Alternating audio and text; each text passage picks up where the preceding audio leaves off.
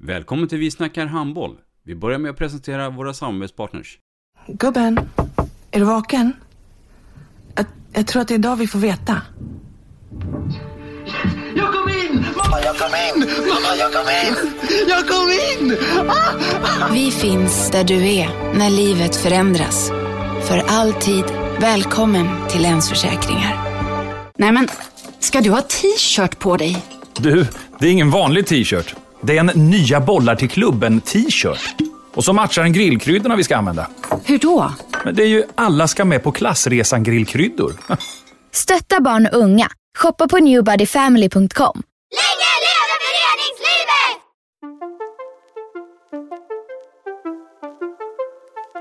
Välkommen säger vi till dig som lyssnar till den bästa handbollspodden. Vi snackar handboll med Robban Z och gäster. Vi snackar handboll, där du får veta alla sanningar som du inte visste att du missat. Vi snackar handboll.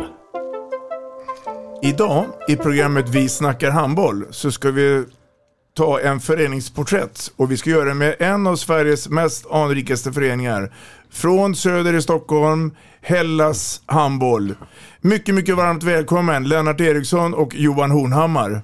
Tack så mycket. Tack så mycket. Jaha du Lennart, nu sitter vi här 2022. Ta oss nu tillbaka. Vem är Lennart Eriksson?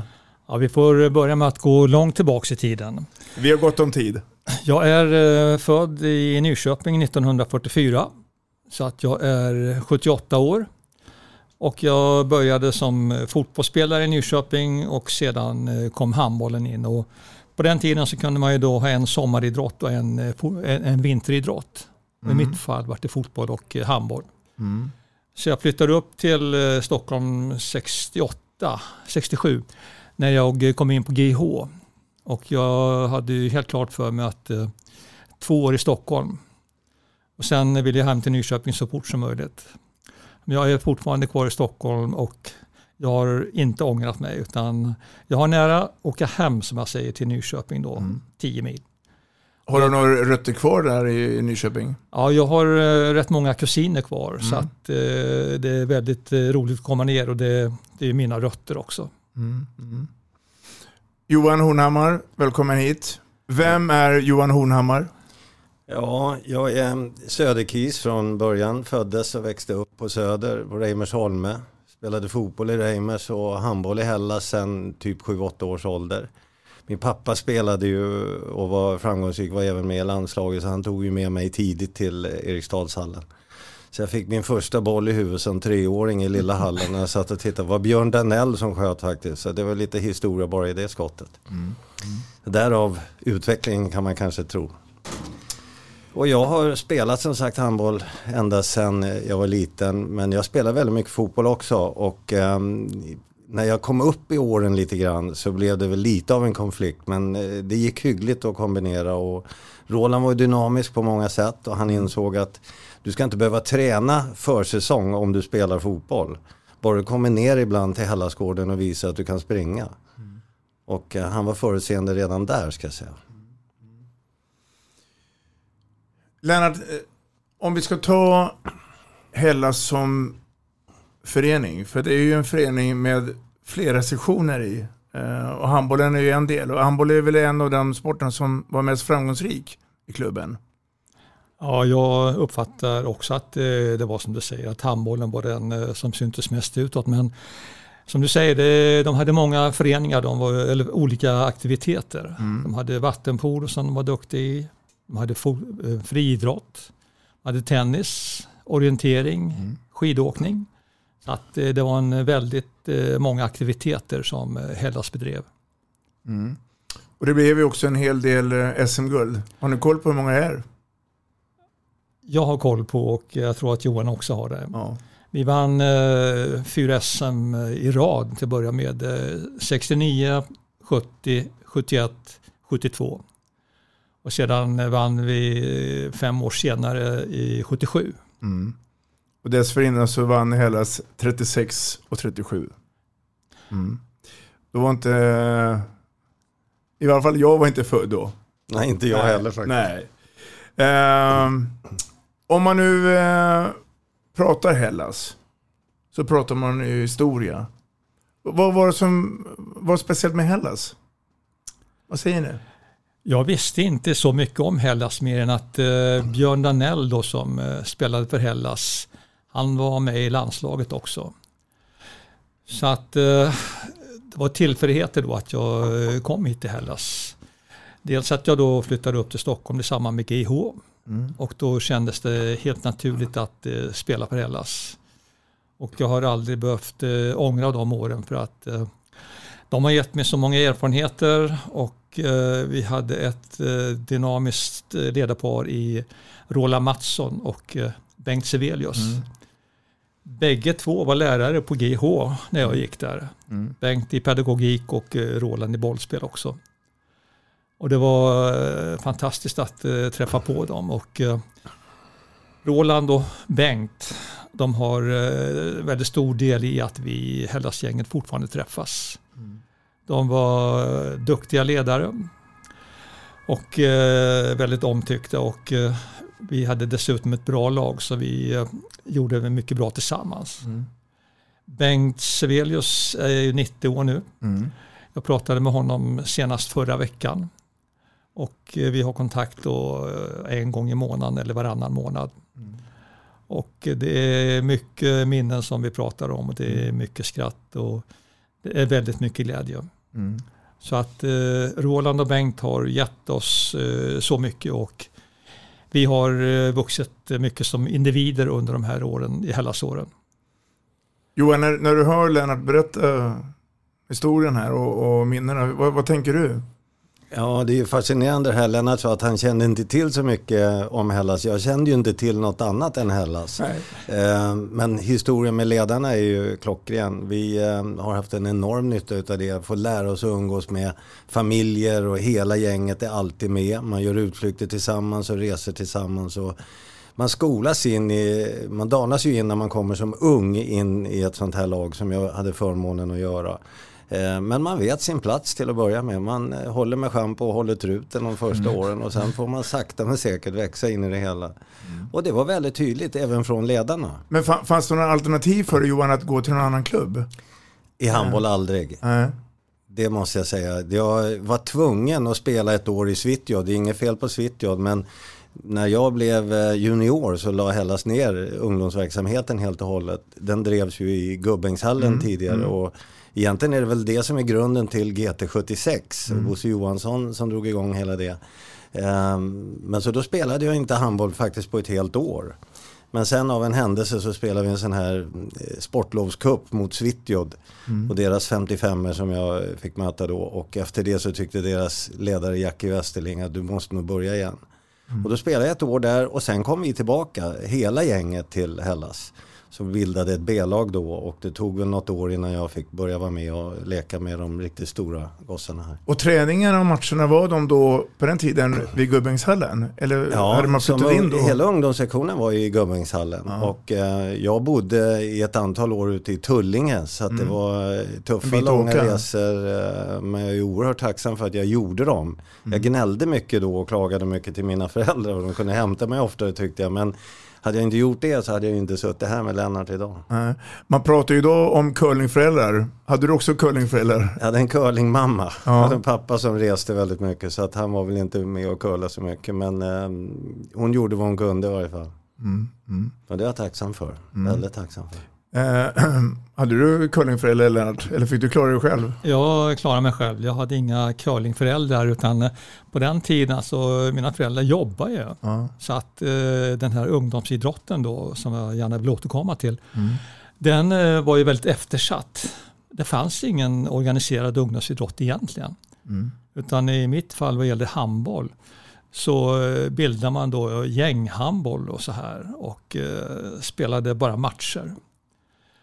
Och vi hade en fantastisk eh, ledare nere i eh, IFK Nyköping då. Om man då bildade den här gänghandbollen Mm. så var det seriespel. Och det var ju då söndagskvällar när inte A-laget hade någon match. Och eh, Herman som han hette, han kom ner i kostym, vit skjorta och slips. Och han satte på sig gymnastikskor. Och sedan dömde han matcher hela kvällen. Och efter ett par matcher så tog han av sig kavajen. Och för mig var det så mycket idrottens själ. Mm.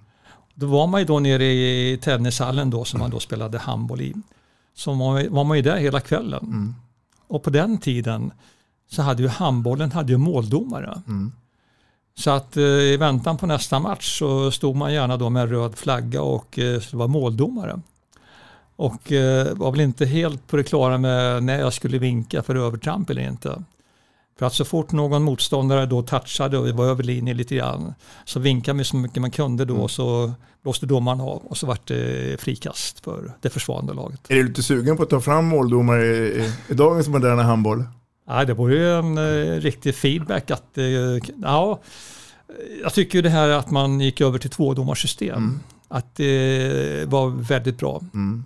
Det var stort. Det var stort tycker Mm. jag och eh, det var en bra lösning. Mm. Därför att eh, endomarsystemet och innan tvådomarsystemet, det var ju svårt för eh, domaren då att eh, täcka upp hela planen. Mm. Och då var det ju till hjälp då med att man hade de här måldomarna som stod där. Jag, jag är lite nyfiken att höra på det, de här åren när du gick på GH. Ja. Jag misstänker att det var ganska lärorika år. Berätta. Ja, det har varit eh, väldigt eh, lärorika år och eh, som jag sa förut, jag hade ju både Roland och eh, Bengt som eh, lärare. Mm. Och eh, de var väldigt duktiga som lärare bägge två. Och efter att jag var utbildad på GH så var Roland och Bengt, det var mina stora förebilder. Mm. Och jag blev ju idrottslärare. Och jag tog till mig väldigt mycket av hur Roland och Bengt, deras ledarskap. Och hur de var måna om alla spelare och verkligen brydde sig. Så att, Var det en tuffing, Roland, som tränare? Nej, alltså han har väl fått en lite skev bild emellanåt. För att Bengt och Roland som var tränare, Mm. de eh, kompletterar varandra på ett eh, väldigt bra sätt. Mm. I grunden som var de målvakter i Hellas samtidigt. Så att eh, de var riktigt bra. Och det var ju så här att om vi hade gjort en eh, riktigt dålig match då med Hellas-laget på helgen. Mm. Vi tränade två gånger i veckan och det låter ju som eh, att sitta och ljuga men det var så. Vi tränade två timmar på tisdagen och en timme på torsdagen. Och på tisdagen då efter en dålig match så fick vi spelare sätta oss på golvet och ut efter ena långsidan. Och så började Roland med att eh, tala om vad som hade varit mindre bra. Och vi kunde göra betydligt bättre. Mm. Och Roland kunde ibland väldigt sällan lägga in en svordom. För att eh, förstärka då vad han eh, talade om för oss. Och när Roland hade pratat klart så var det Bengt Sevelius tu- tur. Bengt eh, kom till Sverige som tioåring 1942 under andra världskriget. Och eh, Bengt började prata då i samma termer som Roland. Och om eh, Bengt då ville förstärka då något som han sa så visste vi killar då att när eh, Bengt sa in i alla Helgoland då var han lika irriterad som Roland. Men han eh, hade ett annat ordval. Men eh, de hade helt rätt vad de pratade om på de här träningarna och vi kände, och vi kände ju laget själva när vi hade gjort en mindre bra match. Tror du att deras ledarsyn och ledarskap skulle fungera idag, 2022? Ja, absolut. Mm. Det, det är jag övertygad om. Mm. Mm. Därför att eh, de satt eh, på så mycket kompetenser bägge två. Mm. Det har blivit många matcher, Johan, i Helleströjan. Och du har mött många motståndare. Nu ska ni få eh, en hälsning här eh, av en eh, spelare som eh, ni har mött några gånger. Och han ska berätta sin syn om Helles. Lyssna här får ni se.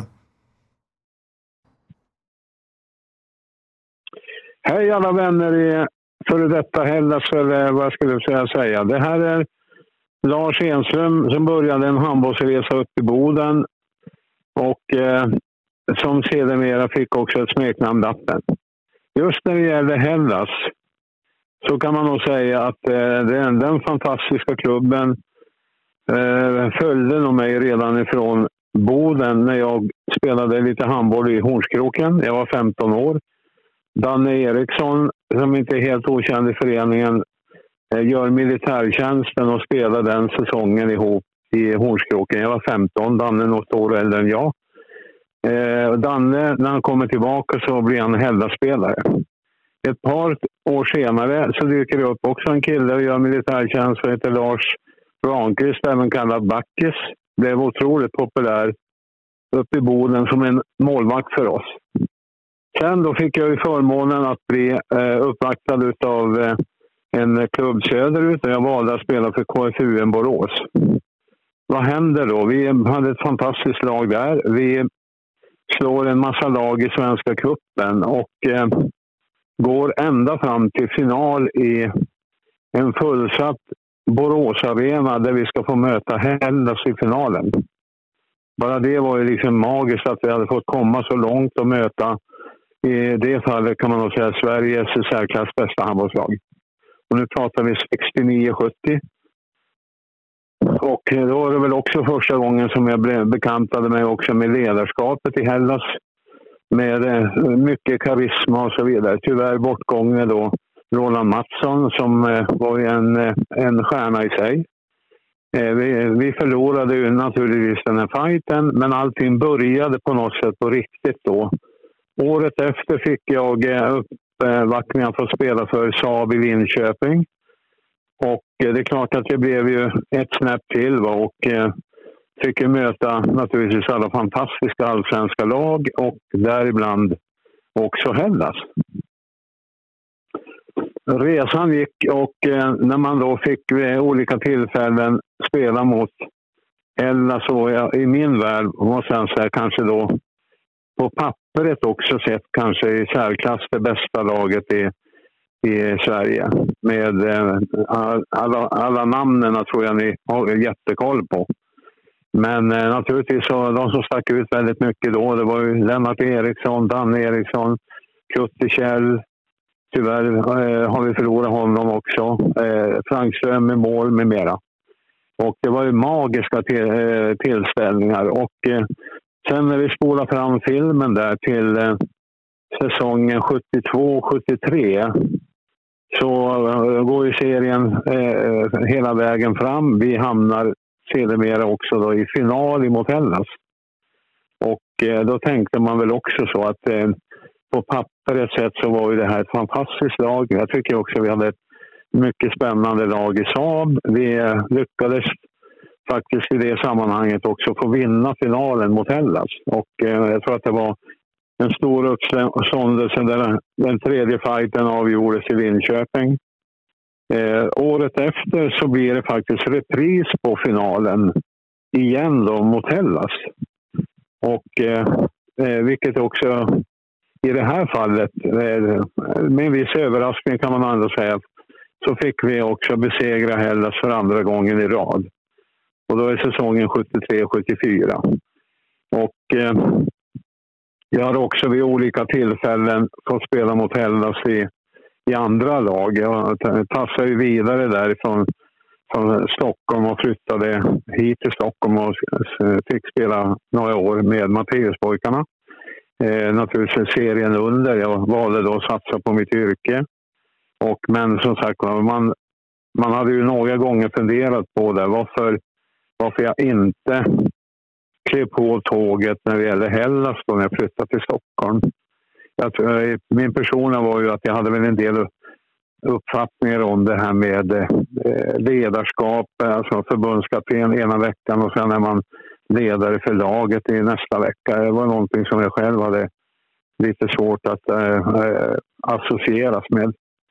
Men eh, man har ju alltid tänkt på det där med Hellas eh, hela tiden som ett handbollslag och eh, men jag kan också förstå, då, med tanke på också delvis mitt yrke, att eh, det var väldigt mycket... Eh, eh naturligtvis så var det en merit att bli, blev uppvaktad av klubben och, och, många valde ju kanske också Hellas i Stockholm på grund av kanske gymnastiklärarutbildningar och liknande. Men det var ju...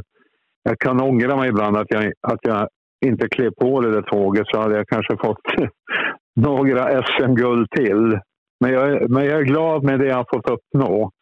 Men jag har fortfarande än idag ska jag säga att jag får vissa eh, eh pulsökningar när jag hör och hört talas om det. Sen då, i och med att jag har bott i Stockholm rätt länge så har ju eh, möjligheten för mig varit naturligtvis att jag har fått möjlighet att ha kontakt med många fina Hellaskompisar där. Och Johan Hornhammar har ju mött i väldigt många olika sammanhang. Eh, för att inte tala om Lennart Eriksson som ja, inte, inte bara säkerligen var en av världens bästa spelare när han var som är mest igång och så vidare. Men han, det är ju också en kille jag bara känner, vilken fantastisk person. Och det är ju det det handlar om väldigt mycket i idrott. Det är ju liksom människan bakom. Och det, det har varit en, en del av eh, min resa i Stockholm också, att jag fått upp, upprätthålla kontakten med den här typen av eh, handbollsvänner. En dag så spelar man mot varandra och nästa dag så är, det, då är man kamrater på heltid. Och eh, jag räknar ju någonstans också med här under sommaren att få kontakt med grabbarna igen. Vi håller kontakt rätt mycket ändå. Att, eh, jag, ska, jag har lovat att bli utmanad i en golftävling med grabbarna på grund av också min födelsedag här för ett par år sedan. Så att, eh, den ser jag fram emot och eh, jag har naturligtvis också funderat på vad, det är alltid så, vad hade man kunnat gjort annorlunda? Jag tänker på det, det fantastiska varumärket Hellas. Det är ju synd att det mer eller mindre eh, rann ut i sanden. Jag tror tyvärr att det var en del av det där när Hellas var ändå som störst. Så skulle man kanske också ha, ha inviterat att satsa väldigt mycket på på ungdomshandbollen i Stockholm. Det finns väl knappt en ungdom som skulle ha eh, inte valt att få spela i en sån klubb med såna profiler och, och färgstarka människor och så vidare. Så att, men som sagt gjort är gjort. Men ja, man får väl se om det där varumärket dyker upp igen ordentligt. I alla fall, Lars Lappen Enström heter jag. Jag har eh, naturligtvis också fått spela väldigt mycket landskamper ihop med många av Hellas-killarna. Och vid varje eh, enskilt tillfälle har varit en, eh, en upplevelse. Och jag är glad att få vara en del av svensk handboll. Och jag vill skicka en jättehälsning till alla eh, handbollsvänner plus att jag vill också skicka speciellt till eh, Hellaskompisarna. Ni är fantastiska och jag hoppas att ni får en fortsatt bra resa med vad ni än gör. Kram på er alla. Hej min vän. Vad tänker du Lennart? Alltså, att det är en, jag blir väldigt glad när uh, Lappen då berättar hur han upplevde oss Hellas-spelare. Och jag vill vidimera att uh, Lappen och jag träffas emellanåt och det är mycket skratt när vi träffas tillsammans. Och jag är tacksam för den omdöme han har gett om Hellas och mig som spelare. Mm. Och jag, vi har pratat med honom och han har som han själv berättade här, att han var väldigt sugen på att eh, spela i Hellas. Mm. Och han hade fått plats i laget. Jag har förstått det. Ja. Mm. Johan, är det så som lappen säger att vi sitter här med en av världens bästa spelare? Ja, alltså det är nog ställt utom allt tvivel. Det här är inte bara en av världens bästa spelare utan jag skulle säga att det var världens bästa spelare i ett antal år. Och ehm, vi lekte ju väldigt mycket, vi tävlade mycket i, när vi tränade och det spelar ingen roll från vilken position vi tränade avslut. Lennart var bäst överallt. Han var bättre än Fischerström på hans kant och Dan Eriksson på hans kant och linjespelarna och så vidare. Därför att när Lennart var liten så spelade han i stort sett överallt. Mm. Och jag menar han har ju gjort mål i matcher, ja, det är anmärkningsvärt eh, vilka siffror det är. Om man vinner en skol-SM-match med 25-21 och han gör 21 mål. Vi vinner en semifinal i SM, eller om det var final i SM mot Frölunda med 13-10 och han gör 10 mål. Mm. Det är ju siffror som, det finns inte idag. Mm. Och eh, vi hade en materialförvaltare som hette Dellis och han kom alltid in när vi skulle spela, träna första gången efter en hemmamatch så fick vi alltid en ny boll till varje match. Och den bollen och en mer, det kom han personligen och lämnade över till Lennart. Och gud nåde den som tog den bollen. Ja. Och samtidigt måste man säga att en mer ödmjuk och utbildande person än Lennart, precis som lappen säger, mm. och hej tillbaka lappen förresten, eh, finns inte. Han har lärt oss jättemycket, både på och utanför plan och det är man otroligt tacksam för. Man pratar mycket, Lennart, om ordet talang. Vill du påstå att du var en talang? Eller är det någonting som du utvecklade vidare, din kunskap? Jag var en talang som eh, bollspelare. Mm. Och som jag sa först, jag eh, började som fotboll Mm. med fotbollsspelare och sen vart jag handboll. Men eh, på den tiden det fanns ingen ungdoms, ungdomsidrott då, som existerade egentligen. Eh, när jag spelade fotboll då i Nyköpings AIK. Det fanns tre klubbar i Nyköping. Nyköpings Sportklubb, Nyköpings AIK och IFK Nyköping. Eh, då hamnade man i, kunde spela i ett pojklag. Och då fanns det en pojklagsserie. Mm. Om jag då spelade som jag gjorde i AIKs fjärde pojklag så fick man cykla ner på stan nära bussgaraget. Där fanns det en anslagstavla då 50 gånger 50 centimeter. Och där fick man då läsa till att eh, match för AIKs fjärde pojklag torsdag klockan 17 samling Folkungavallen. Och sen var det tre föräldrar då som hjälpte till att skjutsa. Mm. Om man då spelade i de här randkommunerna då fanns det inga duschmöjligheter. Och det var ingen som hade fotbollsskor på den tiden. Jag tror inte ens att det var tillåtet om man hade haft det heller. Utan det var de här blå gymnas- gymnastikskorna som man eh, hade i gymnastiksalen. Mm. Och var det blött på gräset eller regnade då var det rätt besvärligt att hålla sig upprätt för att eh, sulan var ju helt oräfflad. Men det var så för alla. Det var en helt annan värld. Så att eh, när man då hade spelat matchen och kom hem igen så visste vi inte, eller fick inte reda på när nästa match skulle spelas. Det var inte så att man fick något spelschema för säsongen utan eh, man fick eh, cykla ner ganska ofta till den här an- tavlan och kolla om det var match eller inte. För att jag ville ju absolut inte missa någon match. Nej. Så att det var så annorlunda att hålla på. Mm. Och i handbollens fall då som jag då kommer att spela mer och mer i så fanns det inte någon ungdomsserie då utöver den här gänghandbollen då som Mm. man hade ett eh, lag som man hade skrapat ihop själv. Så att eh, det var först, eh, och det fanns inget juniorlag heller och ingen juniorlagsserie och ingen ungdomsträning i handboll heller. Utan det var spontan eh, handbollsträning ända upp till eh, junior och strax efteråt Mm. också.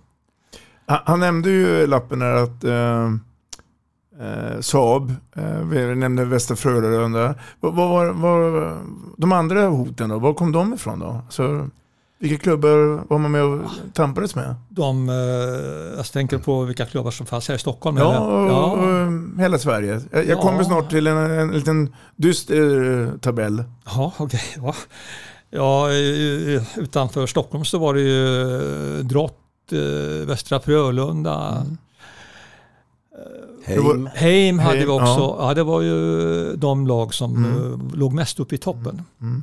Ja, för, för, den listan jag tittar på nu, jag är ju nere och, och grottar i maratontabellen. Eh, så har ju eh, Hellas en liten um, undanskymd position. Men de finns ju med i alla fall. På den. Eh, och förstås så gör du RK som är ju de heta giganterna.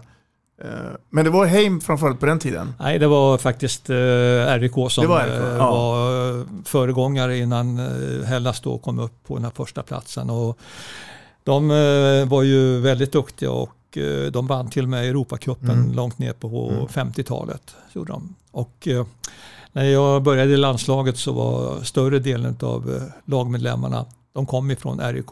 Mm. Duktig målvakt, Donna Lindblom, Gösta Karlsson, eh, Kämpendal, Mm. Per Arkevall. Vilka minnen du har. Ja, det var, de gjorde stort avtryck och i och med att eh, så många av dem var med i landslaget så träffar man ju dem regelbundet Mm. i landslagssamlingar. Mm. Tionde plats ligger Hellas på i maratontabellen. 37 säsonger. Ska jämföras exempelvis med Heim som ligger 12, 34 säsonger. Um, Karlskrona fanns ju också med på den tiden också då. Men RUK har ju 81 säsonger i högsta ligan. Eh, de är ju överlägs mm. Eh, eh, på den och Drott eh, tvåa. Eh, Bengt Bengan Johansson har ju också spelat eh, under några år i Hellas. Och det är också en av de här som har gått på GH där då. Eh, jag tänkte kolla här med er. alla spelare nu som spelat med Hellas, var det naturligt att de också sen skulle bli ledare? För att om vi tar Bengan Johanssons Bengan Boys-tiden så är det en hel del spelare som sen blev ledare och är ledare. Hur gick snacket här? Alltså jag tyckte det var helt naturligt då att eh, de här namnen som du pratar om, att, att de blev ledare. Mm. Därför att eh, Bengt var eh, äldrekursare till mig och eh, vi spelade tillsammans då i Hellas där han var lagkapten.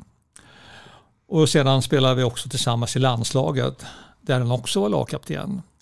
Så för mig var Bengt en eh, predestinerad eh, kommande lag, eh, förbundskapten. Förstod du det tidigt? Ja, det var eh, självklart. Så att, när vi mötte Drott nere i Halmstad så var det ju nattåget ner till Halmstad och sen när vi kom dit tidigt på morgonen så var det en stund, ett par timmars sömn på något daghotell. Mm. Och sedan efter till lunchen så var vi hembjudna till eh, Bengts föräldrar och äta lunch. Och där eh, tillkom det då lite taktiksnack inför matchen mot Drott som var en eh, svår motståndare. Mm. I sporthallen? I sporthallen, ja. Mm. Och Bengts handbollsbakgrund det var ju att han spelade i Halmstad handbollspojkar. Mm. Stämmer det? Och de var ju arga konkurrenter till Drott. Så att när Bengt då eh, i de här samlingarna före matchen mot Drott, han kunde bli ganska eh, högljudd. Han var inte så förtjust i Drott utan eh, vi skulle se till att vi, att vi slog dem. Och? Det gjorde vi många gånger men inte alltid. Nej. Nej. Nej. Men det, det fanns en rivalitet där eh, mellan lagen? Absolut. Ja. Vi hade ju rivalitet både mot Drott och eh, Saab också som eh, lappen berättar lite om Mm. och så här. Mm. Så att det var väl de lag som vi eh, hade mest Mm. rivalitet med. Mm. Hur, hur, hur, hur var konkurrensen, om vi går tillbaka till eh, Stockholmstiden och, och klubbarna runt omkring där Hellas fanns. Hur, hur var den? Ja, det var mest eh, lag som eh, låg i serien under. Under, ja. ja, de var division 2. Det var Typ ju, eh, Lidingö? Lu- Lu- Lunden, Lidingö, Ja. eh, Silving och eh, många andra lag. Ja. Så att, eh, vi mötte ju dem i träningsmatcher och i eh, distriktsmästerskap och så. Mm, mm. Så att de hade vi rätt bra koll på. Mm.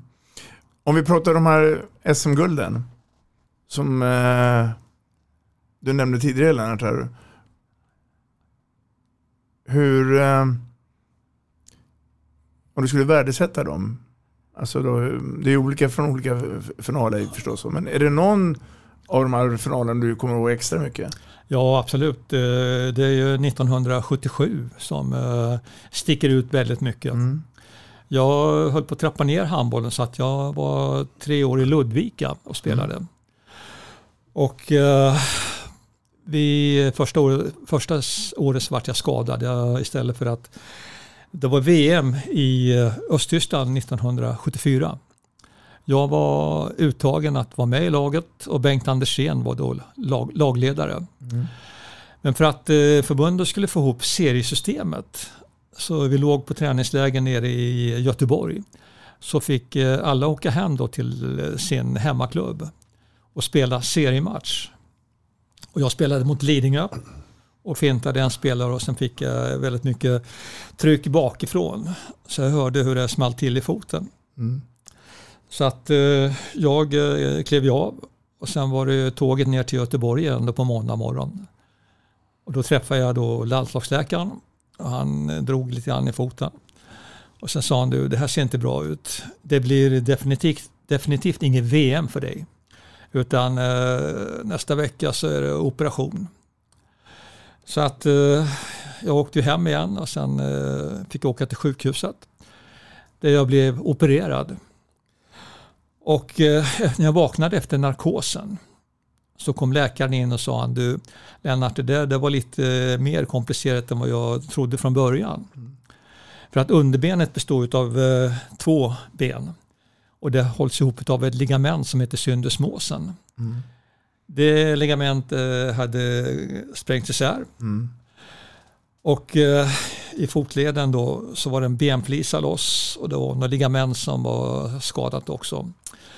Så att jag blev opererad. Sen fick jag istället för att spela VM i Östtyskland så var det 12 veckor i gips. Och jag fick i samband med operationen så fick jag en skruv som då fixerade de här Ja. bägge underbenen för att det skulle läka bra. Och det här hände i januari. Och jag var helt eh, okej att spela igen fram till på hösten. Mm. Så att eh, tredje säsongen så var vi i Ludvika. Så vi vann serien och så var det kvalspel. Och i sista matchen så spelade vi nere i eh, Helsingborg. Och vi var 30 sekunder från att då, eh, gå upp i, i, i allsvenskan. Men det gjorde vi inte. Nej. Du ställde frågan vilket eh, SM som stack ut. Mm. Och efter de här tre åren i Ludvika då, där jag spelade i division 2 då, under, Mm. så var jag väldigt mycket punktmarkerad. Alltså jag hade ju då en eh, punktmarkerare och tanken var ju då att eh, jag skulle gå upp till mittlinjen. Och de skulle spela fem mot fem. skulle spela fem mot fem och då följde då min punktmarkerare med. Och då var det ju så att man hade ett tvådomarsystem och du har varit domare. Att eh, när jag är punktmarkerad uppe med mittlinjen så plandomaren då, han står ju längre in Mm. i banan. Så att han eh, ser ju inte vad som händer bakom ryggen. Men mellan mig och min punktmarkerare. Så att eh, de gånger jag försökte sticka ifrån honom då, då eh, kunde han göra i stort sett vad som helst Ja. för att stoppa mig utan att eh, någon domare såg det. Mm.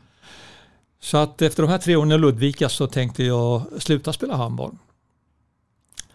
Då hade Göran Hård av Segerstad kommit tillbaks till Hellas efter att ha varit nere i Malmö. Mm. Frank Ström hade kommit tillbaks. Och eh, då kom Göran Hård till mig och så sa han, ja men Lennart sa han, kan inte du eh, spela ett år till med Hellas nu då, när du är tillbaks i Stockholm? Jo, sa jag. Jag har eh, varit i Ludvika tre år och jag har inte fått eh, känna på bollen speciellt mycket under de här tre åren. Så att eh, jag spelar gärna en säsong i Hellas. Och handbollen på den tiden var ju väldigt eh, Skånedominerad. Mm. Det var många lag där nerifrån. Och det skrevs då en hel del inför seriestarten om Hellas.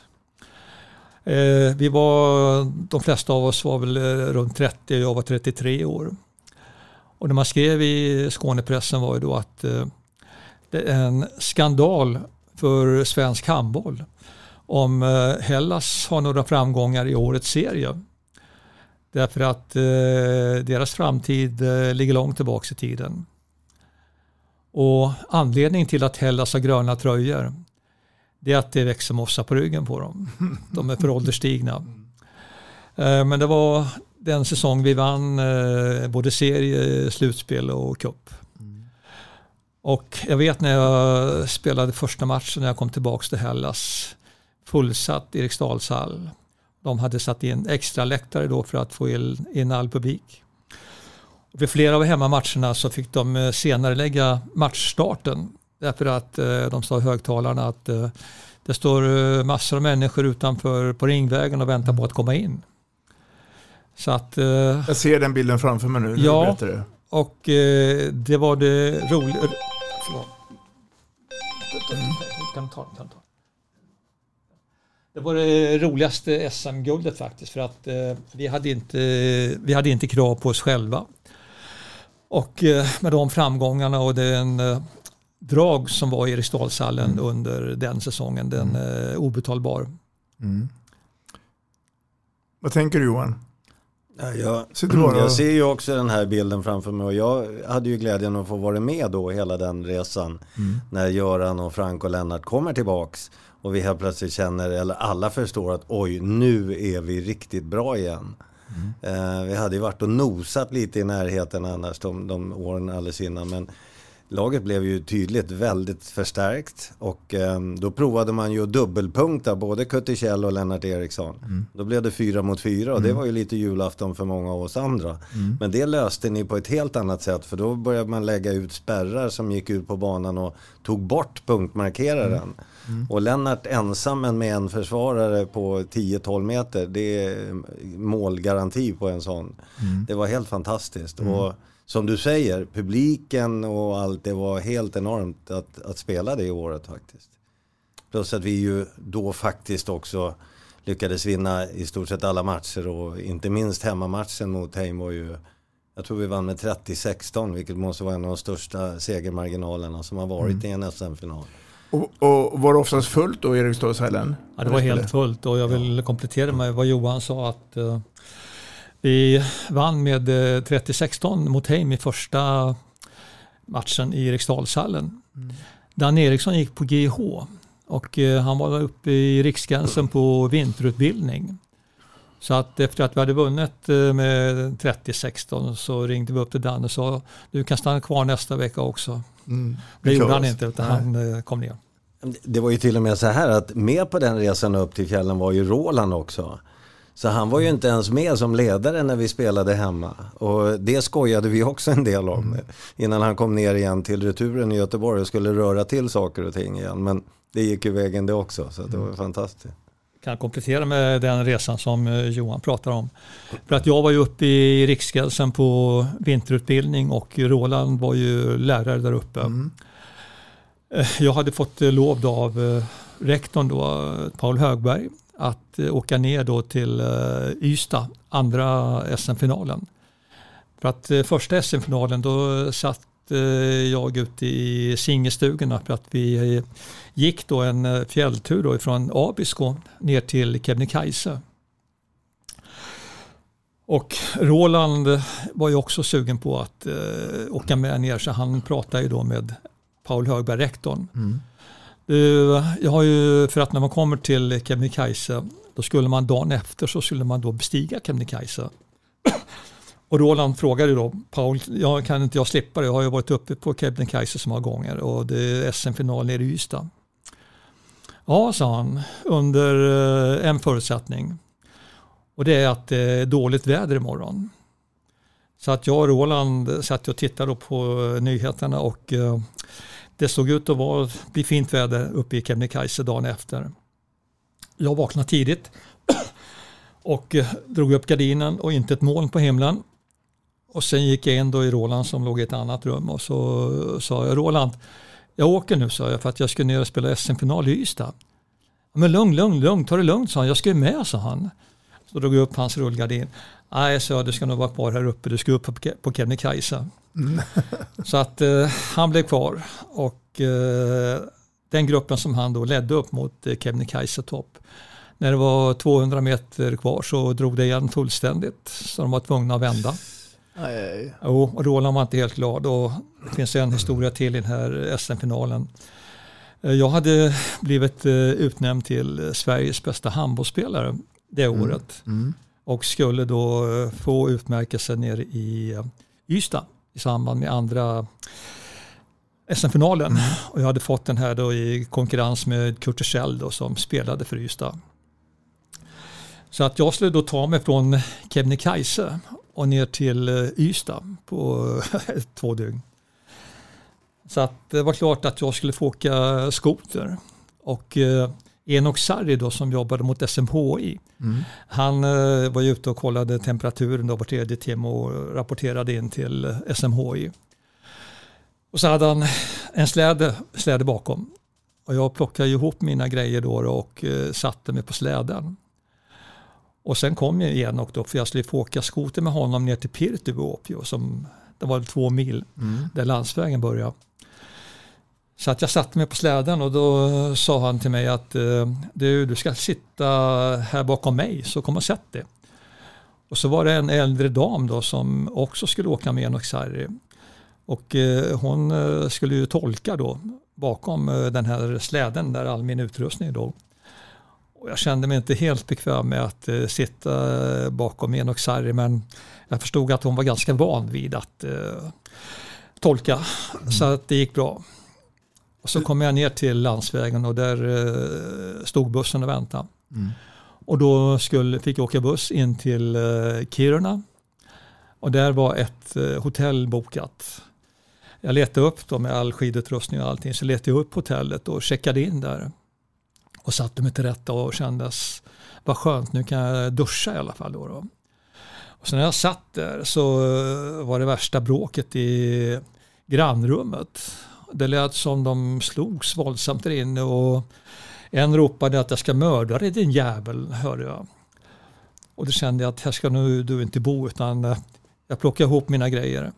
Och sen bytte jag hotell. Mm. Och sen var det flyg ner till Stockholm och tunnelbana ut till Kristineberg där jag bodde. Mm. Och lämnade in all utrustning. Och sen på kvällen var det ju nattåget ner till Ystad då för att spela den här andra SM-finalen. Och då, vi, då, när vi kom ner så var det ju då eh, dagrum. Och eh, sen när vi spelade matchen, Kurtisell var ju då i Ystad. Han hade en väldigt stor show, alltså han var eh, överlägset banans bästa spelare. Mm. Han gjorde tio mål. Och jag var väl inte alls bra. Där jag laddade upp med två veckor i fjällen var väl kanske inte optimalt heller. Nej. Vi vann matchen där nere och vi hade vunnit matchen, första matchen när jag då var i Sälkestugorna. Mm. Och när jag var i Sälkestugan så det fanns ju stugvärdar då i de här eh, fjällstugorna. Så satt vi och pratade med honom då, då och så hade han en radio. Så han kom och sa till mig, och grattis sa han, ni vann. Ni vann mm. första matchen, nu ska du ner till Ystad och spela andra.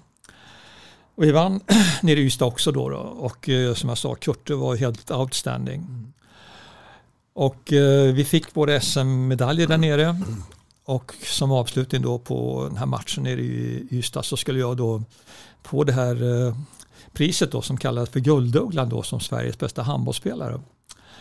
Och jag fick ju den och eh, det var ganska spridda applåder för att efter Kurtes show så tyckte de att det var fel spelare som hade fått den där utmärkelsen.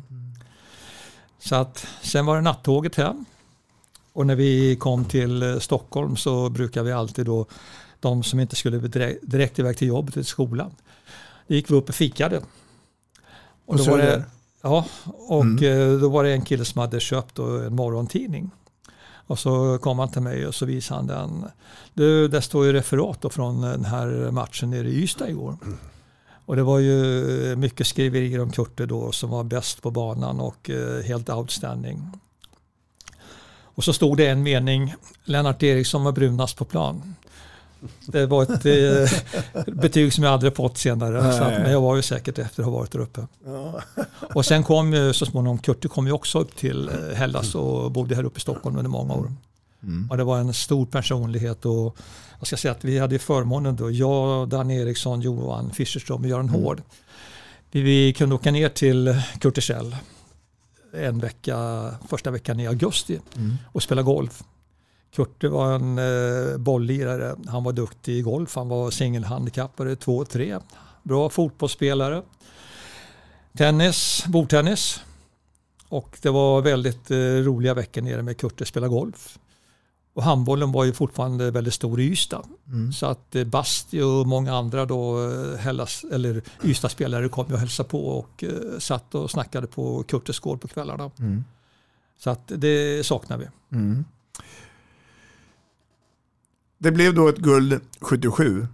Ehm, och Eriksdalshallen blev ju en festarena. Ehm, när ni gick in i Eriksdalshallen då och går in i Eriksdalshallen idag, det är lite skillnad. Ja, det är lite skillnad men samtidigt när man kommer in i hallen för att jag går ju och tittar på Hammarby handbolls mm. hemmamatcher. Mm. Alltså det är så mycket minnen som eh, dyker som väcker upp. Fram, ja. väcker fram mm. och man försvinner in i sin egen bubbla och mm. tänker på alla matcher som man har spelat där och inte minst 77 med all publik. Jag minns när man gick ner där i eh, fiket, så på den tiden så rökte man ju också där. Så det var ju som en, det var som en dimma bara. Eh, en person som jag tror att ni har koll på, ska ni få höra här nu. För att det är dags för en ny hälsning. Ja. Lyssna här nu. Spännande. Hej Johan och Lente. Här är Jonas Nystedt. Jag har skrivit handboll och Hellas i många, många år.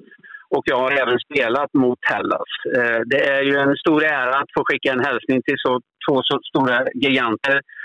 Och Lennart, du var ju en fantastisk eh, spelare på högsta världsnivå och det kanske inte Johan var, även om du var en av de absolut bästa försvarsspelarna som fanns i Sverige. Hellas har ju glatt oss som gillar handboll i många, många år och eh, eh har ju haft enorma framgångar och enorma spelare. Och, Eh, Eh, personligen så hade jag ju mycket roligt ihop med Erik Hajas då när han var i landslaget och även en kollega som kom från Skövde, Mats Nilsson, var ju i Hellas i många år. Så det är ju många, många fina minnen. Och, eh, man vet aldrig, den kanske kommer tillbaka så småningom eh, i, i de stora sammanhangen. Men nu ska ni grilla, så Robban och Handbollspodden här. Och eh, det ska bli spännande att höra hur resan har varit med Hellas och vad som blir framöver. Tack för alla fina stunder man har fått med er och lycka till framöver. Ja du, Johan, vad säger du? Ja, tack Jonas. Ehm, man kan väl bara hålla med att det är fina stunder även med honom och väldigt många inom handbollen. Eh, I vårt fall, när det gäller Hellas, så, som Lennart sa, så umgås vi ju väldigt mycket fortfarande. Men när man går till hallen och tittar på Hammarby och även de åren som jag var engagerad i Hammarby så var det ju fantastiska flashbacks som kommer när hallen är full och det kokar och det... Mm. Ja, det finns ju mycket man kanske skulle kunna gjort annorlunda just för att behålla namnet Hellas. Och eh, anekdot i Hammarby kan, skulle kunna vara att på den tiden så var det inga aik eller djurgårdare som kom och tittade på Hammarby. Mm. Men alla var och tittade på Hellas. Mm. Och det hade man kunnat använda och utnyttja på ett bättre sätt. Och mm. faktum är att Staffan Olsson och jag hade en liten plan på att försöka göra någonting med våra berömda 88 om ni kommer ihåg mm. dem. Det året vi vann första SM-guldet. Eh, då var planen att de skulle faktiskt lånas ut till Hellas och spela i Hellas-namnet och försöka få upp Hellas i ettan för att därifrån kunna göra någonting. Eh, men av olika skäl så blev det inte av, vilket jag tycker är väldigt tråkigt. För det hade nog kunnat sätta eh, namnet på kartan igen. Mm. Men det är fantastiska minnen, verkligen. För jag, jag tänker så här Lennart, alltså när, i takt med att Hellas framgångar och intresset, eh, men, men blev det också bekostnad på ungdomsverksamheten? Det var ju så här att eh, när jag kom till Hellas så hade faktiskt Hellas eh, Stockholms bästa ungdomsverksamhet. Mm. Men det var kopplat till en person. Det var han som skötte hela ungdomsverksamheten vad gällde handboll. Mm. Och han eh, hade ju ambitionen då att eh, han ville gärna sitta på lagledarbänken med A-laget. Mm. Men där satt ju Roland och Bengt och det fanns ju inte plats för den här mannen då. då. Och då tog han hela ungdomsverksamheten med sig då till Gubbängshallen. Och efter det så växte aldrig Hellas ungdomsverksamhet upp. Mm. Och det tycker jag är väldigt svårt också med ungdomsverksamheten därför att det är långa resor mm. och eh, föräldrarna är väldigt rädda om sina barn med all rätt och det mm. kan hända för mycket nu i samhället. Så att eh, Hellas ungdomsverksamhet försvann då eh, slutet på 60-talet. Mm. Johan var ju kvar längre så du kanske har en annan uppfattning om efteråt. Om vi skulle backa tillbaka tiden Johan, vad, vad, vad du skulle förändra, vad, vad gjorde man för fel? Ja, du menar ända på den tiden då jag själv ja, var ungdomsspelare? Ja, där du känner att du, här, ja. här skulle vi nog kunna gjort en ändring. Du var inne på lite grann med det här med ja. Staffan och... Jag skulle kunna säga att redan tidigt så mm. hade väl, dels var det väl en resursbrist inom Hellas och dessutom som Lennart säger lite av en intressekonflikt emellan ungdomssektionen och dess ledare och de som drev A-laget. Mm. Men då ska man komma ihåg då att samtidigt hade man ju exempellösa framgångar med A-laget. Vilket gjorde att allt fokus liksom hamnade där. Mm. Och det är naturligtvis alltid olyckligt. Mm. Jag menar, du själv kommer från en förening som är ungdomsidrotten Allegio. Det är mm. liksom där vår grund till all idrott finns. Fantastiska ledare och andra som liksom värnar ungdomar. Mm. Eh, möjligtvis skulle man ha gjort som så att Hellas snabbt hade blivit enbart ett A-lag och samarbetat med alla andra lag i regionen. Mm det fanns faktiskt en del lag som självmant sökte sig till oss med, med den ambitionen. Eh, men det här är väldigt svårt därför att man lever ju här och nu och de som drev ungdomsverksamheten på den tiden bildade ju en klubb som har blivit nog så framgångsrik och haft fantastiskt mycket roligt i GT76 mm. på både dam och herrsidan. Mm. De har haft ett elitserielag på damsidan och legat i näst högsta serien i många, många år. Mm. Så att ingen ära ifrån deras aktivitet. Och, och det fanns inte på tal heller att dra igång damverksamhet i Hellas. För den skötte väl delvis också av Stockholmspolisen? Ja, nej, så vitt jag vet har det aldrig förts någon diskussion om, om att ha det så. Och att konkurrera med Stockholmspolisen på den tiden, det var ju Mm. Till ju slutet som att- ändå. Så att det hade Ja. ju aldrig gått. Utan det tror jag man får eh, vara nöjd med. Men man skulle kunna, om man hade kunnat backa tiden så skulle man nog gjort något annorlunda just när vi pikade under de åren som leddes av att Lennart och gänget kom tillbaka. Mm. För då talade man Hellas i hela Sverige. Det var ju fantastiskt. När du går och tittar på Hammarby, eller exempelvis då, eh, och, och ser spelet. ja, att, det, att det är stor skillnad nu och på din tid. Men är det, är det någonting du känner att det här har hängt med? Alltså om det är nu taktiskt, eh, tekniskt? Ja, det finns ju mycket av det taktiska finns ju kvar. Ja. Så att, eh, men jag tycker om att titta på eh, vad sa, Hammarby handboll och man gör som vanligt då bra matcher på läktaren eller hemma i tv-fåtöljen för att man har ju överblick på allting. Men jag tyckte det var väldigt roligt för svensk handboll och för Stockholmshandbollen när Johan då var ordförande i Hammarby handboll. Mm. Och de vann eh, tre SM på raken. Mm. Och då kändes det som det var mycket Hellasvibbar i Eriksdalshallen. Mm. Det var fullsatt och det var väldigt bra drag. Många som jämförde också den tiden med Ja. Hellas-tiden. då. Ja det var det ju. Och det var ju gröna och vita dräkter också. Så att det, var ju, det var faktiskt väldigt mycket fokus på det ett tag. Mm. Hemskt roligt. Och eh, att få uppleva Hammarby-familjen på nära håll är ju både ansträngande och jobbigt men också helt fantastiskt. Mm. Det, det får man säga. Det, det, nej, det var en grym tid. Idag så spelar Hellas med ett representationslag i division 3. Eh, och eh, tittar man då på lagen så är det ju då inga klassiska lag förutom då lokala lag. Eh, svår fråga kanske, men, men kommer vi få ha och vänja oss med att Hellas är nog där, där man är idag om några år till? Eller ser ni att det skulle gå att förändra? Jag eh, håller med Johan att om man då på det sätt som han eh, uttryckte och vissa andra föreningar också då att eh, man hade ett A-lag i Hellas och sen hade man då lag runt om som stöttades av Hellas och till och med spelarna kunde åka ut där också och ställa upp och hjälpa till att träna. Det tror jag vore en framkomlig väg. Annars är det ju framförallt ekonomin då som hindrar Mm. att man kan bli riktigt bra. Ni pratade tidigare om Heim från Göteborg. Eh, var jag en, en kollega eller konkurrent eller vad man vill säga.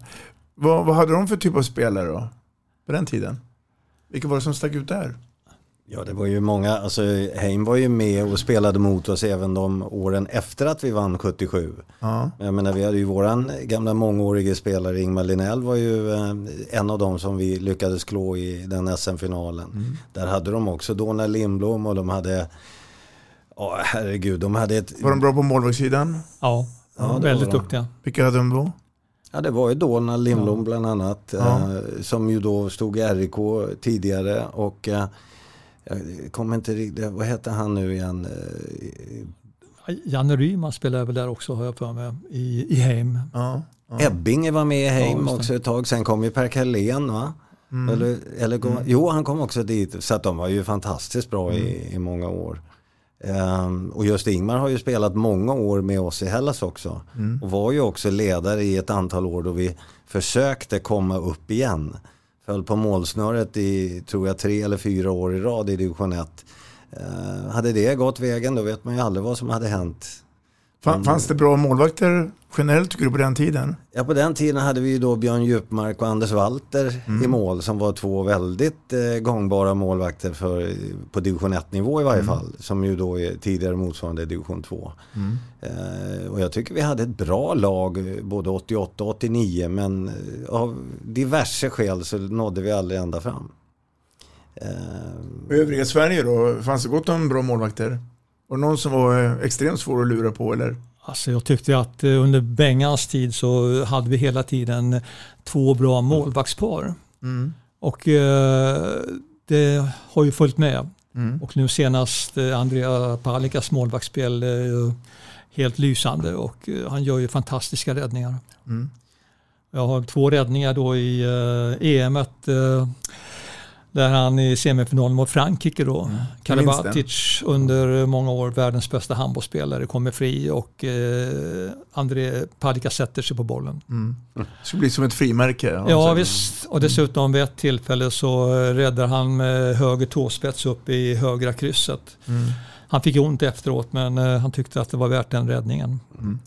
Och Jag- dessutom så eh, har ju Palicka gjort så mycket eh, mål själv. Mm.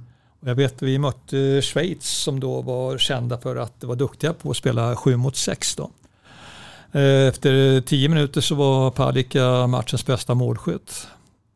Han var duktig på att slänga från 40 meter, alltså den 30 meter som man kanske gör. Mm. Så att jag tycker att vi har haft bra målvakter och vi har bra målvakter nu också. Det fanns ju en en- målvakt som stack ut speciellt på vår tid och det är möjligt att, att det är det du far efter. Det var ju Claes Hellgren som hade kartlagt varenda spelare och vi hade alla ett elände att göra mål på honom. Men det fanns en person som inte hade svårt att göra mål på honom faktiskt. Mm. Och han sitter här och heter Lennart Eriksson. Mm. Lyssna här. Här kommer en hälsning till, till er båda två. Ja, eh, det är roligt att vi pratar om Hellas. För mig betyder Hellas otroligt mycket. Inte bara som handbollsförening, utan för min del så var det så att min far eh, var medlem i Hellas och eh, vann eh, massor med svenska mästerskap, fast i simning. Eh, och eh, det betyder ju att Hellas hade alltid, har alltid funnits som en del i mitt hjärta. Liksom. Eh, och min far tyckte ju väldigt mycket att jag skulle någon gång spela där också. Eh, han var ju med både och spelade bandy och alla de olika sektionerna som de hade handboll också. Han var också väldigt god kamrat med den största ledaren så, som man har haft i Hellas. Det var ju Roland Mattsson. Roland Mattsson som också var ansvarig för något som hette Idrottsplutonen. Och, och det betyder ju då att han hade hand om eh, det stället som jag var när jag gjorde min lumpen. Och jag glömmer aldrig när han tog in mig, för jag visste att han kände min far väldigt bra. Stod han in mig på rummet där och sa nu ska du komma in i min wigwam, sa han, och så ska jag lära dig lite om, om målvaktsspelet. För jag tror du har en chans att kunna bli rätt så bra. Och, och där fick jag ju höra många sanningar och många saker som var otroligt värdefulla. En av de absolut mest karismatiska ledarna som har funnits. Jag fick också ha den andra store ledaren där eh, under tiden i Hellas, nämligen Bengt Sevelius. Han hade hand om U-landslaget och det var ju, Eh, om man nu ser på ledarskapet, ett perfekt ledarskap. Alltid korrekt, otroligt duktig och väldigt, väldigt påläst i sitt. Eh, när det gäller själva Hellas som handbollsförening så, så var ju den stora föreningen för mig och för hela Sverige. Det började redan efter att jag hade först sett eh, 1967 års eh, VM som gick eh, då i Sverige. Och därifrån så var ju Hellas egentligen det helt dominerande laget överhuvudtaget. Eh, det var ju eh, alla de här duktiga spelarna, kanske den allra bästa svenska spelarna. Och nu, mina vänner, kan man nog faktiskt säga det, för jag tycker att jag har rätt god kunskap. Och jag tänker på Lennart Eriksson som spelade där. Det är ytterst få spelare som har nått upp till den nivån genom alla tider.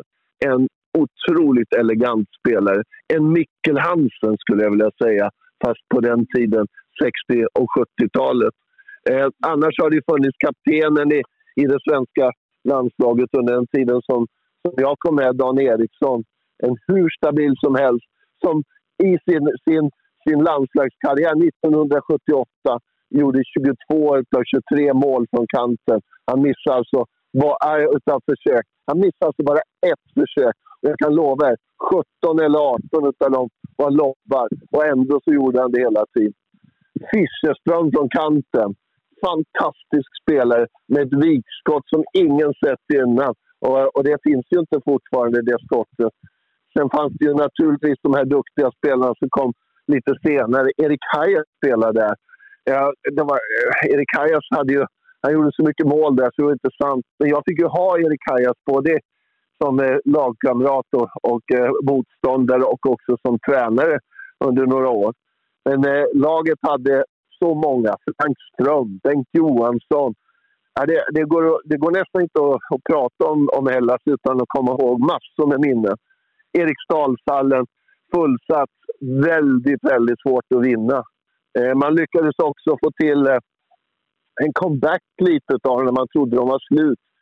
Jag tror det var 1977 så, så vann de igen med de gamla.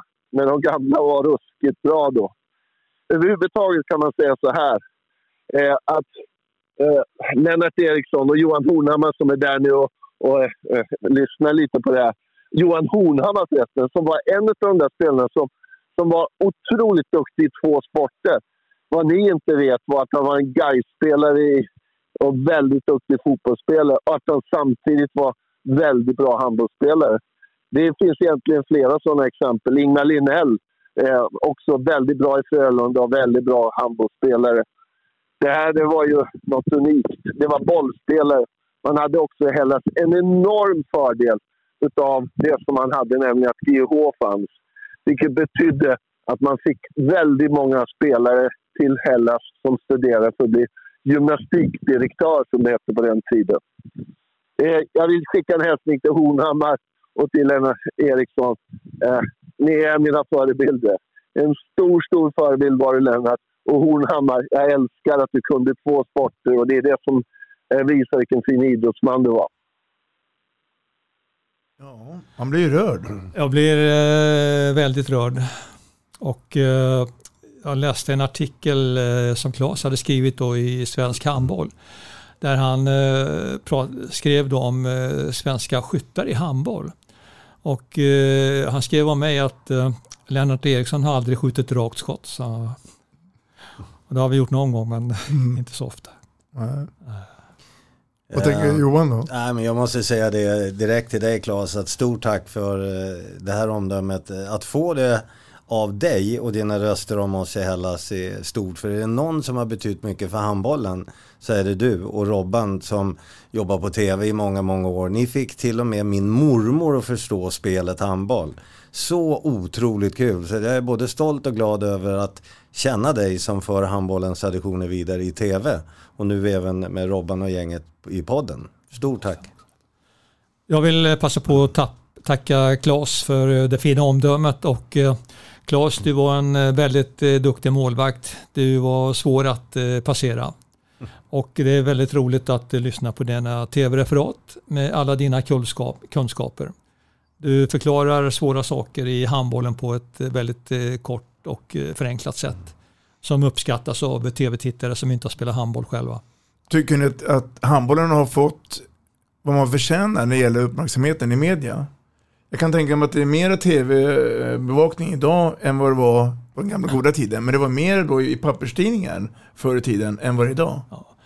Alltså jag tycker att eh, vi ska tacka Bengt Johansson och Bengans Boys för att eh, de har gjort så mycket för svensk handboll och eh, gjorde ju handbollen väldigt populär. Och i samband med eh, Bengt Johanssons bortgång så skrevs det väldigt mycket om Bengt och eh, Patrik Ekwall som också kommenterar handboll han eh, var väldigt tacksam därför att eh, han fick eh, förmånen då att eh, sitta på spelarbänken under matcher, under VM, stora turneringar. Och jag har ett minne som dyker upp och det är att eh, han fick sitta längst ut på bänken självklart. Thomas Svensson satt på bänken. Sverige låg under med 3-4 mål efter en kvart. Och då sa Patrik lite oroväckande, du, eh, det här ser inte så bra ut. Ah, sa Thomas, ta det lugnt. Vi har inte fått slag på dem i försvaret än, men det här vänder vi snart. Och tio minuter senare så var matchen helt mm. Eh, annat resultat och mm. vi vann matchen ganska enkelt. Mm.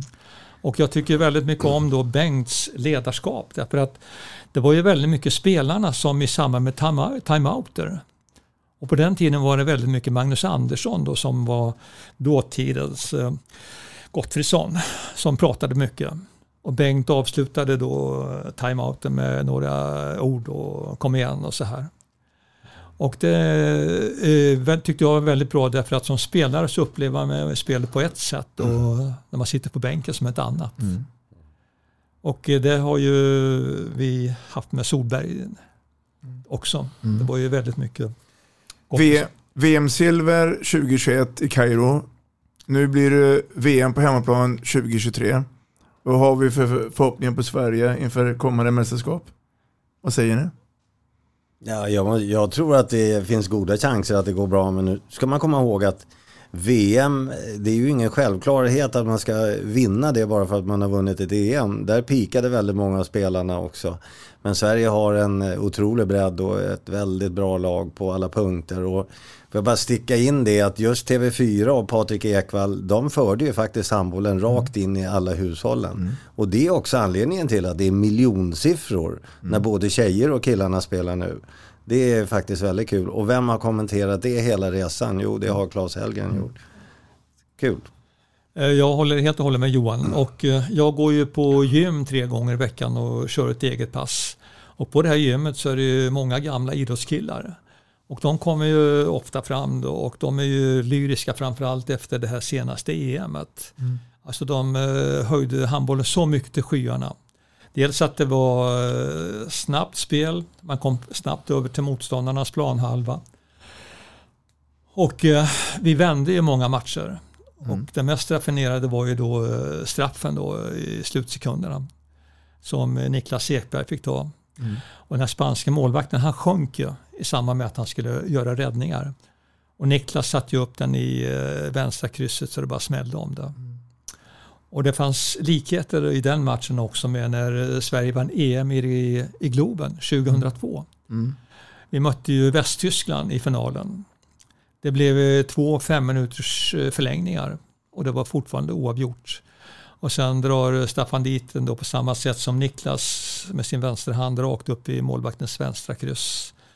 Och den eh, eufori som jag upplevde i Globen, den är svåröverträffad. Mm. Det var så mycket glädje och en så spännande match. Mm. Mina herrar, nu är det så att eh, tiden har kommit ikapp oss. Eh, det har varit en stor ära att ha haft er här båda två i Vi snackar handboll. Vi har fått eh, mycket, mycket god information om dåtid och nutid.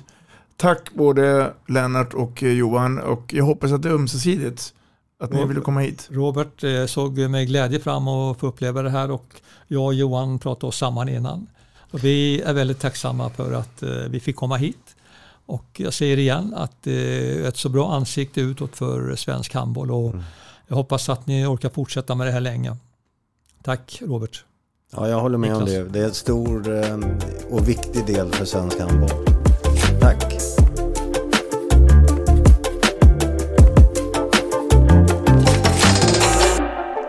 Vi snackar handboll, där du får veta alla sanningar som du inte visste att du missat. Vi snackar handboll. Vi snackar handboll produceras av produktionsbolaget High On Experience, från vision till passion. Ett avslutande tack till våra samarbetspartners. Hallå! Kommer ni eller? Ja, ja. Har du sett mina ankelsockar? De här? Nej, nej, jag menar skridskoslip till juniorlaget Ankelsockarna. Ja, men kolla bredvid träningsläger med handbollstjejerna-t-shirtarna. Stötta barn och unga. Shoppa på newbodyfamily.com. Länge leve föreningslivet! Gubben, är du vaken? Jag, jag tror att det är idag vi får veta. Jag kom in! Mamma, jag kom in! Mamma, jag kom in! Jag kom in!